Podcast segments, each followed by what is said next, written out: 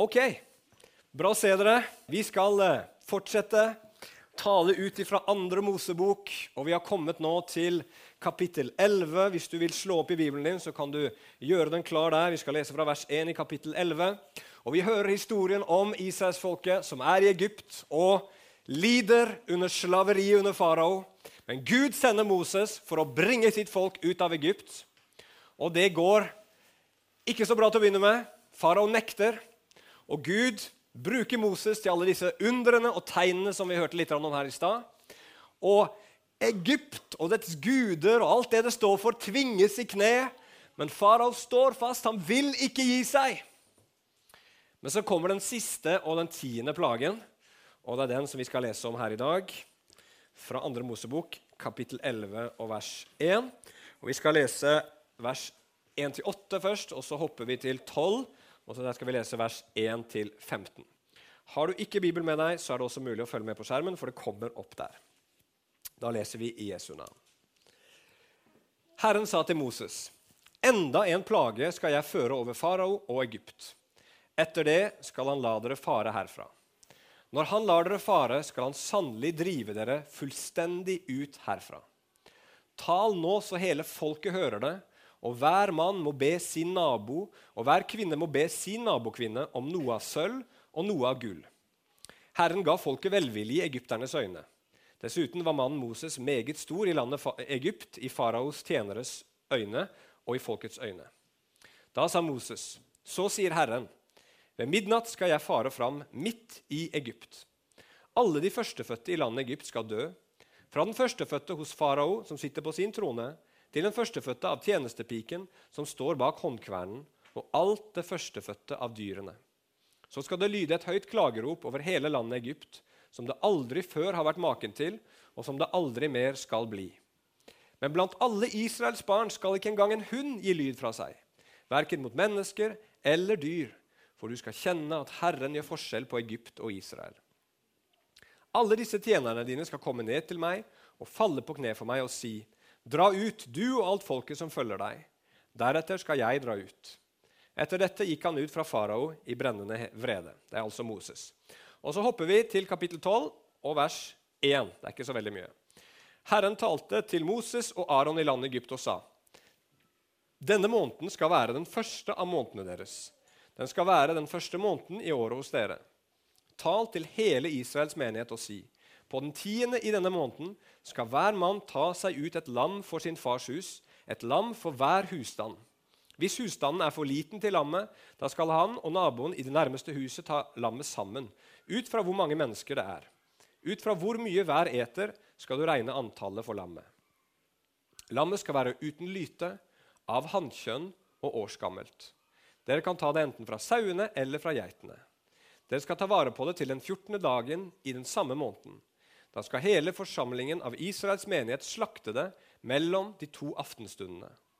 De skal ta noe av blodet og stryke det på de to dørkarmene og på dørbjelken i huset hvor de eter det. Så skal de ete kjøttet samme natt. Stekt over ilden med usyret brød og bitre urter skal de ete det.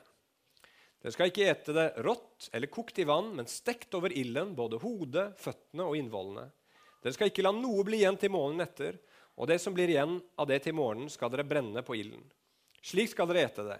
Dere skal ha hoftene ombundet, ha sandaler på føttene og stav i hånden. Dere skal ete det i hast. Det er Herrens påske.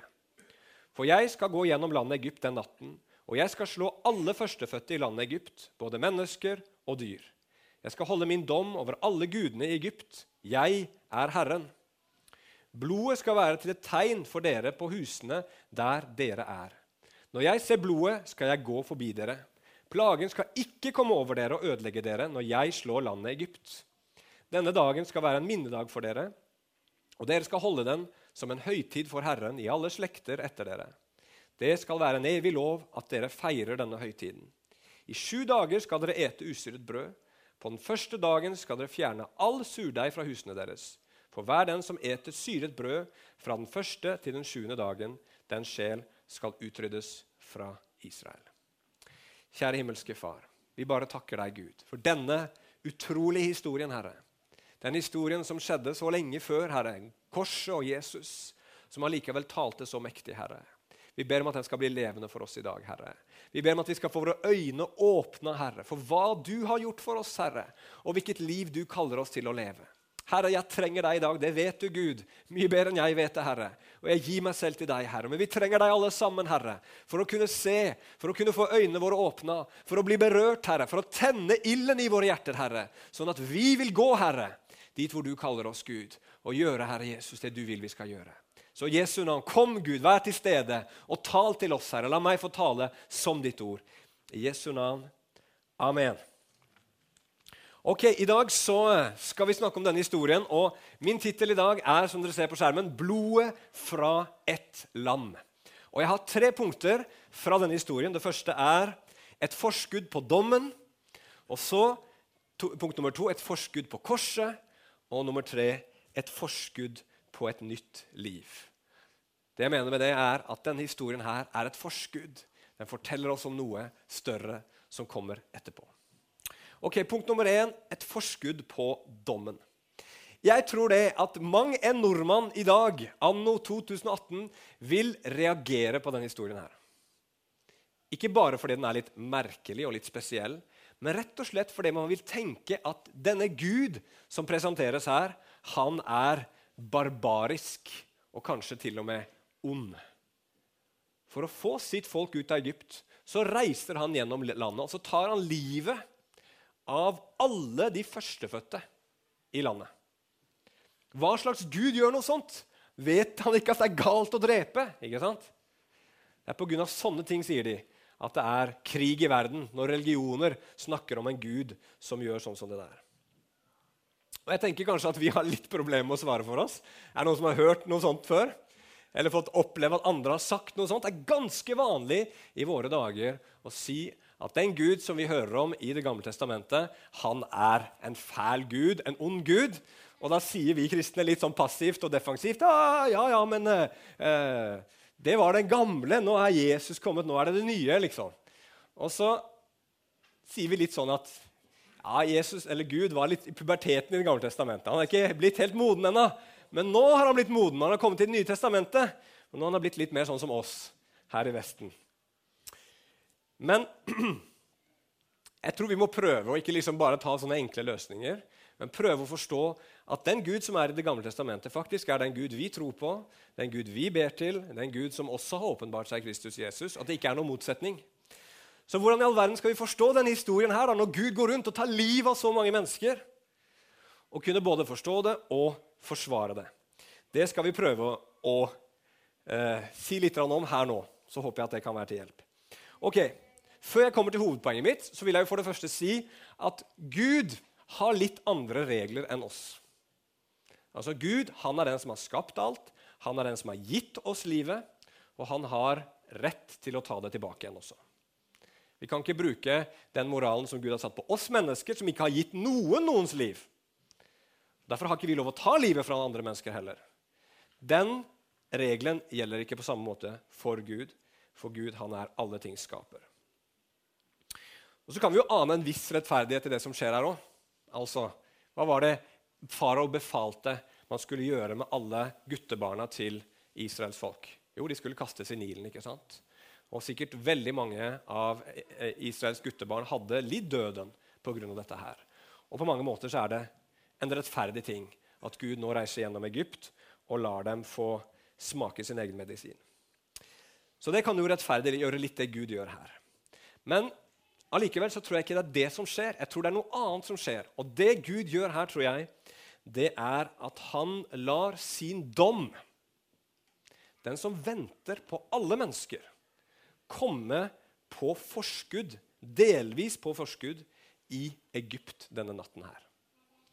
Og hva mener jeg med det? Jo, Bibelen forklarer at vår Gud Bibelens Gud han er en god og en rettferdig dommer som må dømme alle mennesker. Det er ikke sånn at Gud kan bestemme seg for ikke dømme. Han må dømme fordi han er i sin natur rettferdig. Og Det vil si at absolutt alle mennesker en dag må stå framfor hans trone, og så må vi gjøre opp for de livene vi har levd. Ingen slipper unna. Gud er nødt til å gjøre det. Og det kommer før eller det kommer senere for deg og for meg. I tillegg til det så sier Bibelen at vi alle sammen har synda, og at syndens lønn, altså lønnen for at vi har gjort galt, det som er mot Guds bud, det er døden. Og Da betyr det både fysisk død, og det betyr evig død, eller fortapelse. Og Da har vi jo igjen et lite konsept som kanskje ikke klinger så veldig godt i moderne ører. At Gud dømmer mennesker til evig fortapelse. Hvis du spør mennesker i dag, og det gjorde jeg senest eh, med en del unge mennesker for ikke så lenge siden, om de syns det er rettferdig, og da sier de fleste nei, det høres ikke helt rettferdig ut at Gud skal sende mennesker til evig fortapelse. Hitler, jo da, det er greit. Mussolini kanskje, og eh, Mao muligens, og et par sånne andre. De, jo, de fortjener det. Men eh, men liksom evig pine for meg og for, for, disse snille folkene jeg ser rundt meg hver eneste dag, det høres litt drøyt ut. Og jeg, synes, jeg tror kanskje Problemet er tofoldig. For det første så har vi litt problem med å tro og forstå at vi mennesker er så ille. Altså vi, vi har veldig vanskelig i dag i Norge for å forstå at vi kan være så ille. Det er det ene. Og det andre er at vi syns dommen til Gud er litt drøy. Altså, hallo, Gud, evig pine. Tusen år, hadde ikke det vært nok? liksom? Eller 10 000 i hvert fall. Og Derfor så er vi kristne litt sånn tilbakeholdne, for vi syns dette er vanskelig å snakke om. Vi vet ikke helt hvordan vi skal få si det som Bibelen sier, at det fins en evig dom, og det fins fortapelse. Og Kanskje litt av problemet er at vi ikke skjønner det helt sjøl også. Hvordan kan dette henge sammen? Og Greia er, tror jeg, at vi lever i et humanistisk samfunn. Og I et humanistisk samfunn så er det mennesket som er alle tings målestokk. Og da måler vi jo vår egen godhet ikke sant? opp mot alle andre. Og jeg syns jo jeg omtrent er like god som han og hun og henne og de, alle de menneskene som er rundt meg, så da kommer jeg jo gjennomsnittlig ganske godt ut. Jeg er gjennomsnittlig god, kanskje litt over gjennomsnittet, da. Tross alt. Jeg er vel enig i det? Dere har hørt om den undersøkelsen i Norge om, om uh, hvem som var, mente at de var gode sjåfører.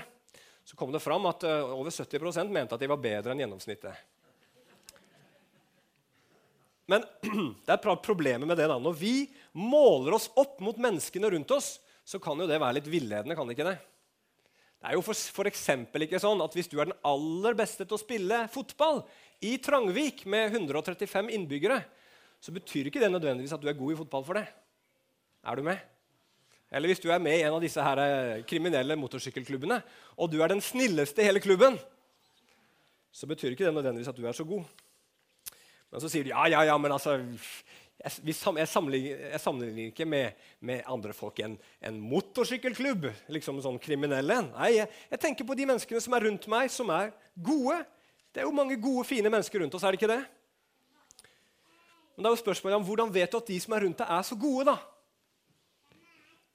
Antageligvis er det vel fordi at de andre er gode, fordi de er like, eller fordi de er gode etter den standarden som jeg mener er standarden for godhet.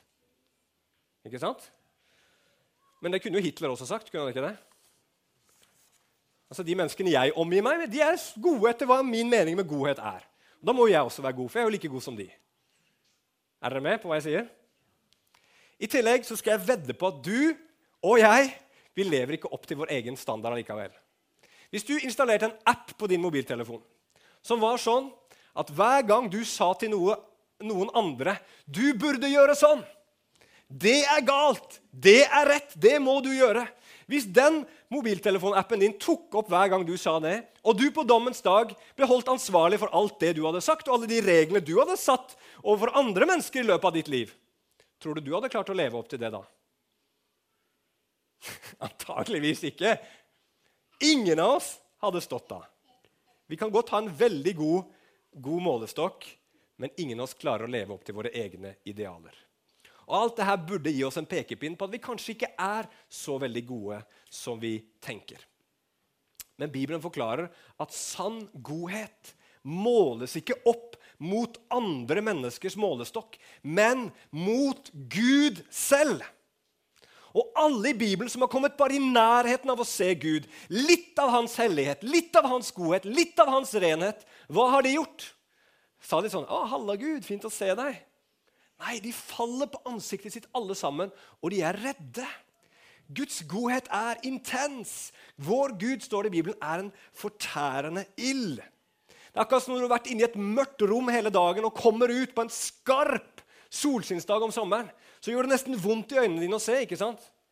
Sånn er det når vi mennesker som er vant til å gå rundt her i en verden full av synd, plutselig får møte en helt ren og en helt hellig Gud. Det er sylskarpt. Og Det er lett å slå seg for brystet og tenke jeg er ikke så verst, for jeg er bedre enn han og henne, og hvert fall han.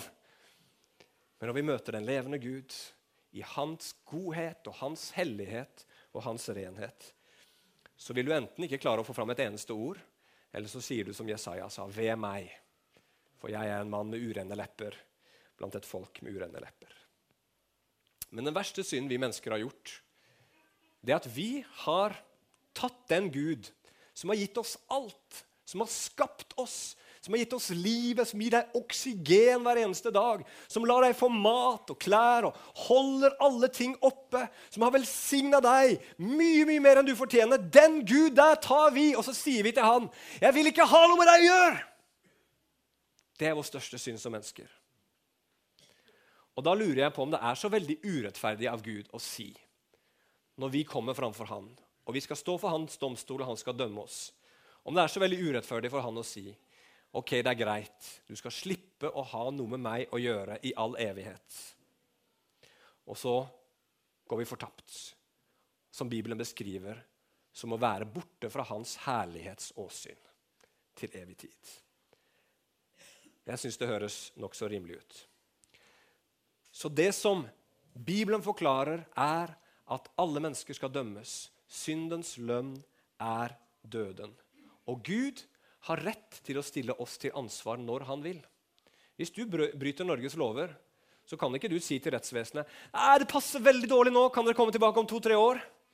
Nei, De bestemmer når og hvor. Sånn er det bare. Og På samme måte så har Gud også lov til å bestemme når og hvor han vil holde oss ansvarlige. Han kan, som han gjør veldig ofte, vente lenge i sin nåde, for han vil at vi skal vende om. Men hvis Gud vil stille oss ansvarlig i dag, så har han all rett til det. Og jeg tror det er det som skjer her i Egypt. Gud kommer til Egypt, og så velger han ut noen personer, de førstefødte, som han nå vil holde ansvarlige for sin synd denne natten her. Henger dere med? Og så gjør Gud noe spesielt. På en måte så gjør han ikke forskjell på egypterne og israelittene. For han sier 'jeg kommer til å gå gjennom hele Egypt'. Han lover at han skal gå gjennom hvert eneste hus. Men så gjør han en forskjell allikevel. For han skal ikke dømme alle. Han gjør en forskjell med israelittene, ikke pga. israelittene sjøl, men pga. blodet fra et lam. Det er det denne historien her forteller oss. Og Dermed så kommer vi til punkt nummer to et forskudd på korset. Dette her er en av de mest bemerkelsesverdige hendelsene som skjer i Det gamle testamentet. Og det, det, det, preger verden i dag. Jødene hvert år feirer denne festen som vi leste om nettopp nå. Og vi kristne feirer påske også. For Gud gir til sitt folk det, detaljerte instruksjoner for en feiring, et ritual de skal gå gjennom. Og så skal de gjøre det hvert år på samme dato. Om igjen og om igjen til evig tid, står det til og med. Og det De skulle gjøre, det var at de skulle ta et lam på den tiende dagen i den første måneden. Det lammet skulle de sette til side. Det skulle være av hannkjønn, det skulle være lyteløst. Vil si det skulle ikke ha noen skavanker, det skulle være vakkert, fint, flott på alle måter. Og så skulle det slaktes fire dager senere mellom de to aftenstundene. I min bibel så står det at det er mellom det tidspunktet sola begynner å gå ned, og tiden er helt ned og det er helt mørkt. Eh, og så sier de mellom tre og seks på kvelden. Det er litt annerledes hvordan sola går ned når du kommer litt lenger sør. Så skulle de ta blodet fra dette dyret som de hadde slakta, dette lammet, og så skulle de stryke det på dørkarmene, både dørbjelken over og så karmene på begge sider. Og så skulle det stekes over ilden, og de skulle spise det med usyra brød, altså ugjæra brød, og med bitre urter. Og så skulle de også være nøye på å ikke bryte bena. Det står ikke det vi leste nå, men det står i vers 46 på dette lammet. Og så måtte de eh, sitte med klær på seg, sko på føttene, jakka på, liksom, staven i hånda, klare til å reise. Og de skulle spise alt sammen og ikke la noen ting være igjen. Og så sa Gud dette her er pesach, forbigang, eller det som vi kaller påske. Og så skulle Gud gå gjennom Egypt. Og når han kom til det huset hvor han så at blodet var strøket på dørbjelken og på dørstolpene, så skulle han pesach. Han skulle gå forbi. Derfor så heter det påske av ordet pesach. Og hva er det som skjer her? Hvorfor i all verden var det sånn at når disse israelittene satt her bak sin dør med blod på dørstolpen og på dørkarmene, så gikk denne dødsengelen forbi? Hva i all verden var grunnen til det? Var det liksom bare et tegn? At det liksom var sånn, bare en tag som sa her er litt israelitter, ikke gå inn her? liksom? Eller var det noe mer dette blodet betydde? Hvorfor verna den mot Guds dom? Og jødene de hadde egentlig ikke noe veldig god kjennskap til den type eh, eh, offer. At et lam ble, eh, ble ofra. Det skulle de gjøre masse seinere. Hele denne Moseloven som vi er inne i nå, forteller masse ritualer. hvordan de skulle gjøre. Hver gang de synda, så måtte de ofre et, et, dyr, ofte et lam. Men hva var det som gjorde det? Jeg tror ikke de skjønte det helt. De skjønte nok at dette betyr, dette blod betyr at her er det noen som har dødd. Her er det kanskje noen som døde istedenfor meg. Men hele Gamle Testamentet, i hele Gamle Testamentet forblir dette her uforklart. Hvorfor er det sånn at jødene hele tiden, når de synder og pga. sin synd, må ta livet av et dyr? Og Det forklares aldri helt i Det gamle testamentet. Og det forklares aldri før vi kommer til Det nye testamentet. Og Der er det en mann som heter Johannes. Han er døper, og han er en profet. og Han kaller folket til å vende om og tro på Gud. Og så En dag kommer Jesus til han. Han har nettopp blitt døpt av Johannes, og Johannes ser han, og så roper han mens han peker på Jesus. Se der er Guds lam som bærer verdens synd. Og så, noen år senere, så sitter denne samme Jesus i påsken, feirer dette måltidet vi nettopp nå har hørt om. Og så sier han i påskeferien, idet han tar et beger med vin, sånn som alle sammen gjorde i det ritualet, så sier han dette er mitt blod, den nye pakts blod, som utgytes for mange til syndenes forlatelse. Og Så går det noen timer, og så henger denne samme Jesus på et kors, blodig og forslått. Og så dør han ca. klokka tre på ettermiddagen, på den tiden da påskelammet skulle ofres. Han henger der. Ikke et bein blir brutt på han, står det. Han er lytesløs. Pilatus har dømt han, ikke funnet noen feil hos han. Det høye råd i Israel har ikke funnet noen feil hos han. De måtte lyve på han for å få han dømt. Og her henger han, og her dør han. Og ingen forstår hva som skjer. De har feira påske om igjen og om igjen og om igjen fra generasjonene langt tilbake. Og så er det ingen som skjønner hva som skjer der og da.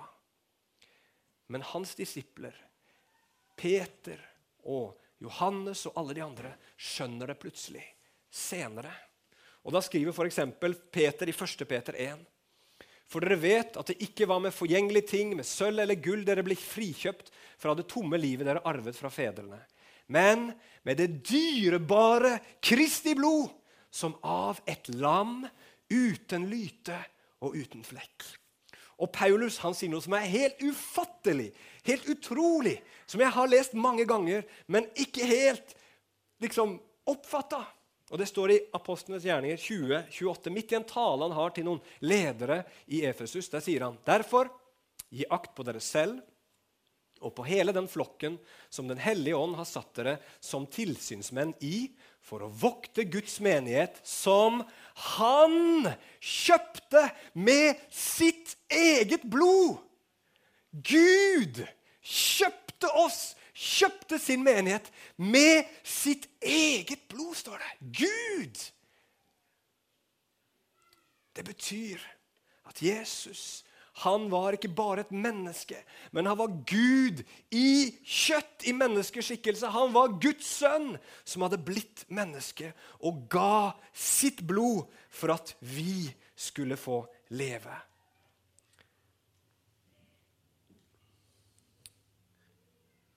Så når israelsfolket de strøk dette blodet på dørkarmene og på dørstolpene, så betydde det her er gjelden betalt.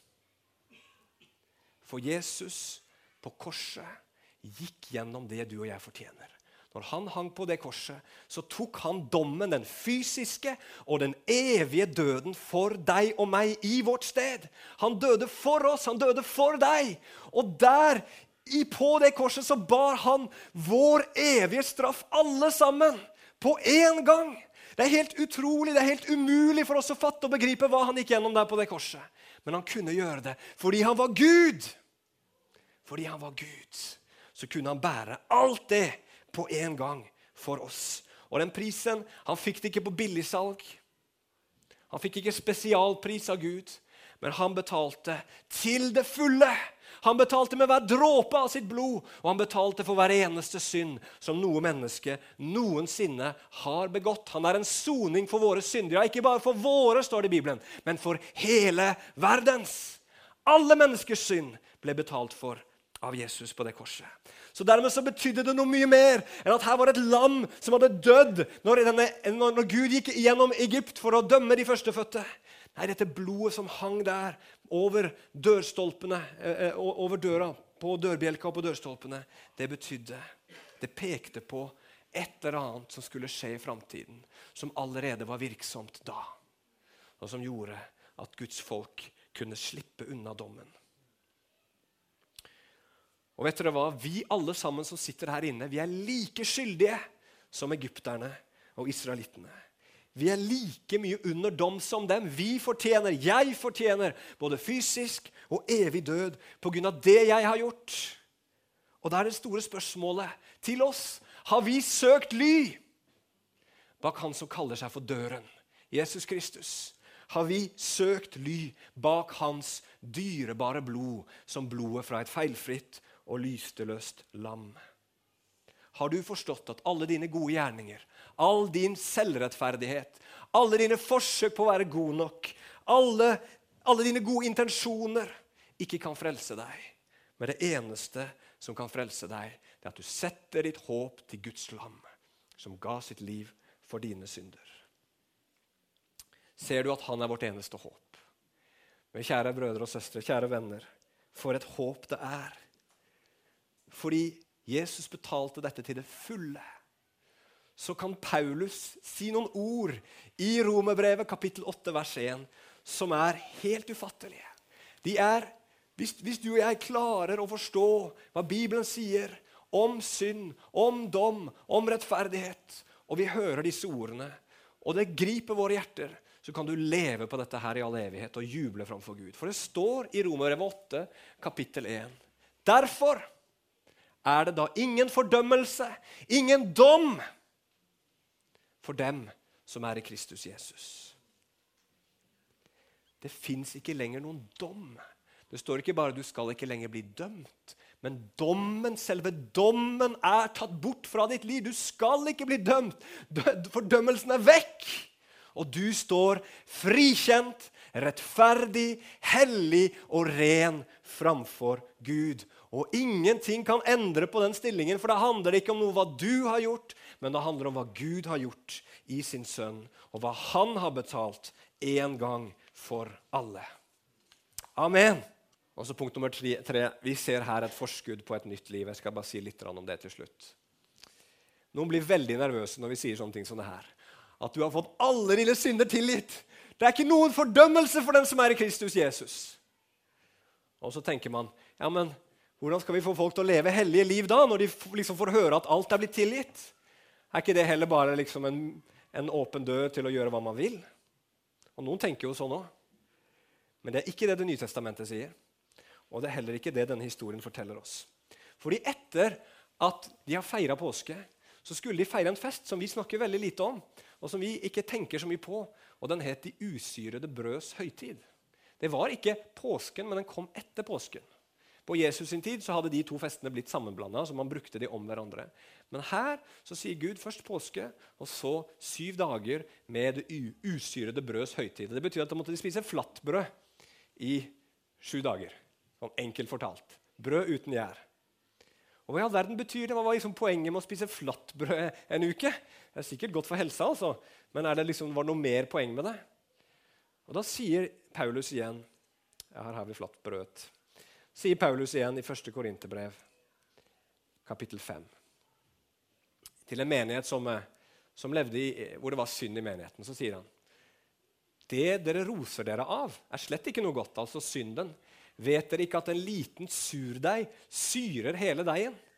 Rens derfor ut den gamle surdeigen, så dere kan være en ny deig, siden dere er usyret. Altså, dere er usyret, derfor må dere rense ut den gamle surdeigen. For sannelig, vårt påskelam er slaktet for oss, Kristus.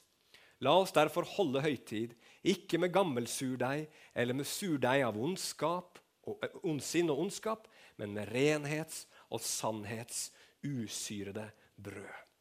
Vet dere hva? Når Jesus kommer til oss og frelser oss og sletter ut vår synd, så er det for at vi skal leve et nytt liv hvor vi ikke lenger lar synden drive og styre våre liv, hvor vi skal få lov til å leve fri fra synden. La oss se litt på hva det betyr. Men det betyr at som kristne så har vi ikke noe sånn grønt lys for synd. Men vi er likevel tilgitt. Og når du synder, så har du en talsmann framfor Faderen.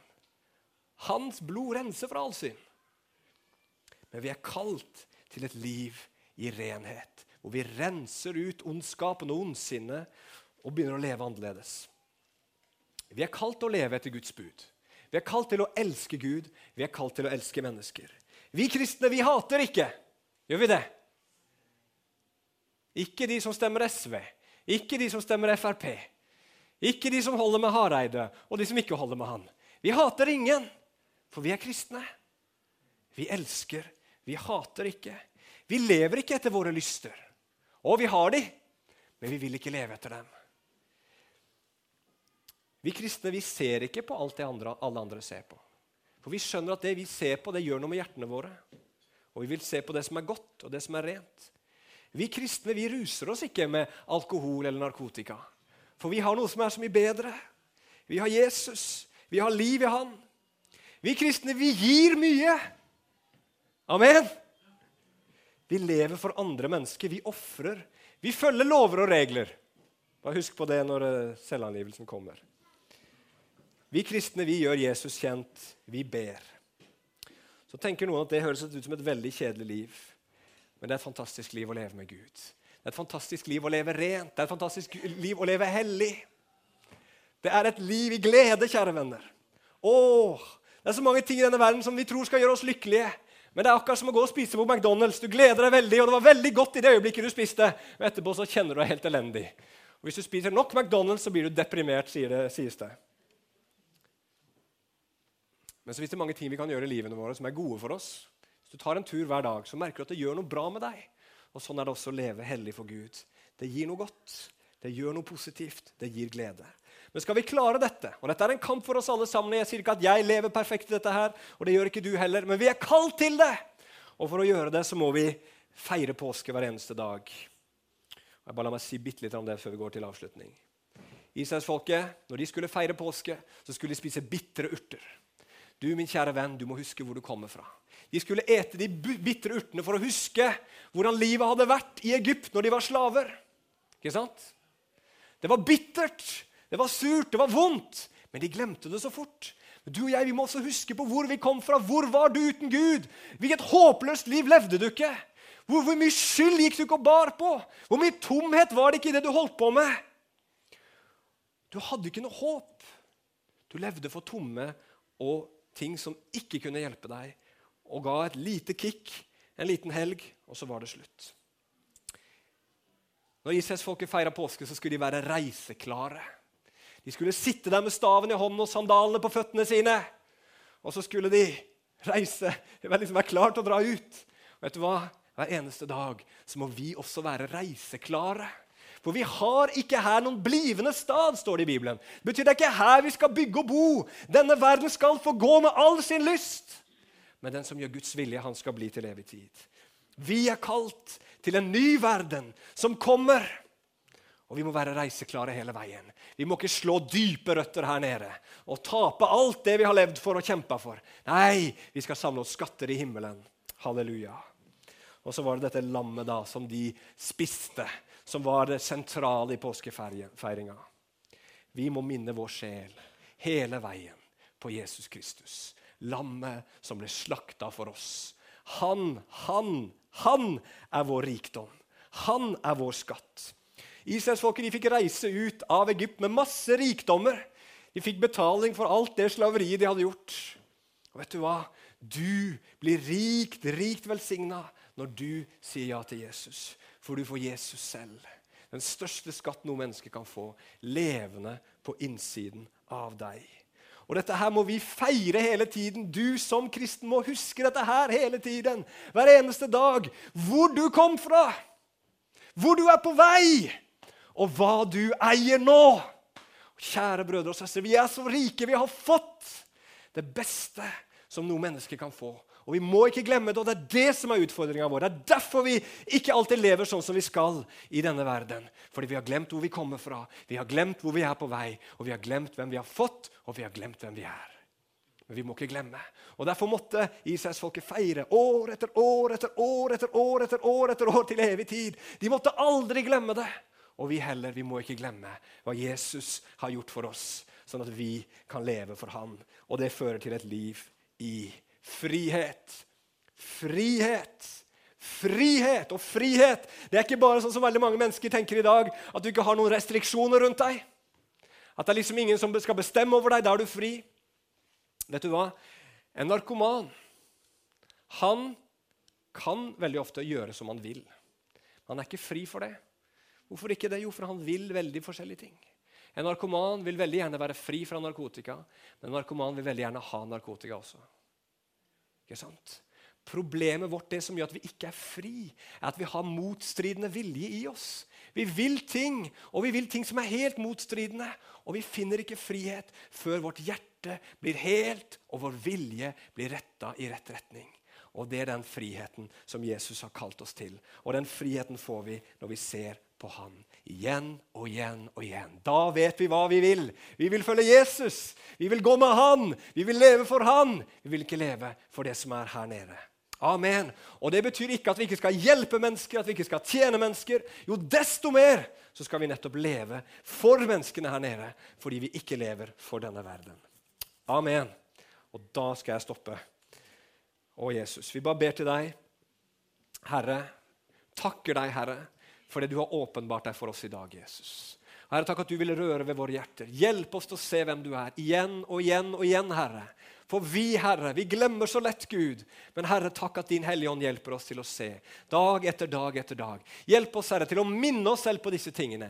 Hjelp oss når vi kommer sammen som brødre og søstre. At vi ikke snakker om vær og vind, Herre. At vi ikke snakker om biler og kjøkken, Herre Jesus, og, og, og det ene med det andre, Herre Jesus. Og så glemmer vi å snakke om hvor vi kommer fra, og hvor vi er på vei, og hva vi eier, og hvem vi er. Herre, jeg bare ber i Jesu navn om at det skal du vekke opp iblant oss, Herre. En sånn en fokus, Herre, på deg midt i hverdagslivet, alt vi gjør og må gjøre, og som hører til, til vanlig liv i dag, Herre. Og midt i dette her så skal vi hver dag feire påske i Jesu navn. Amen.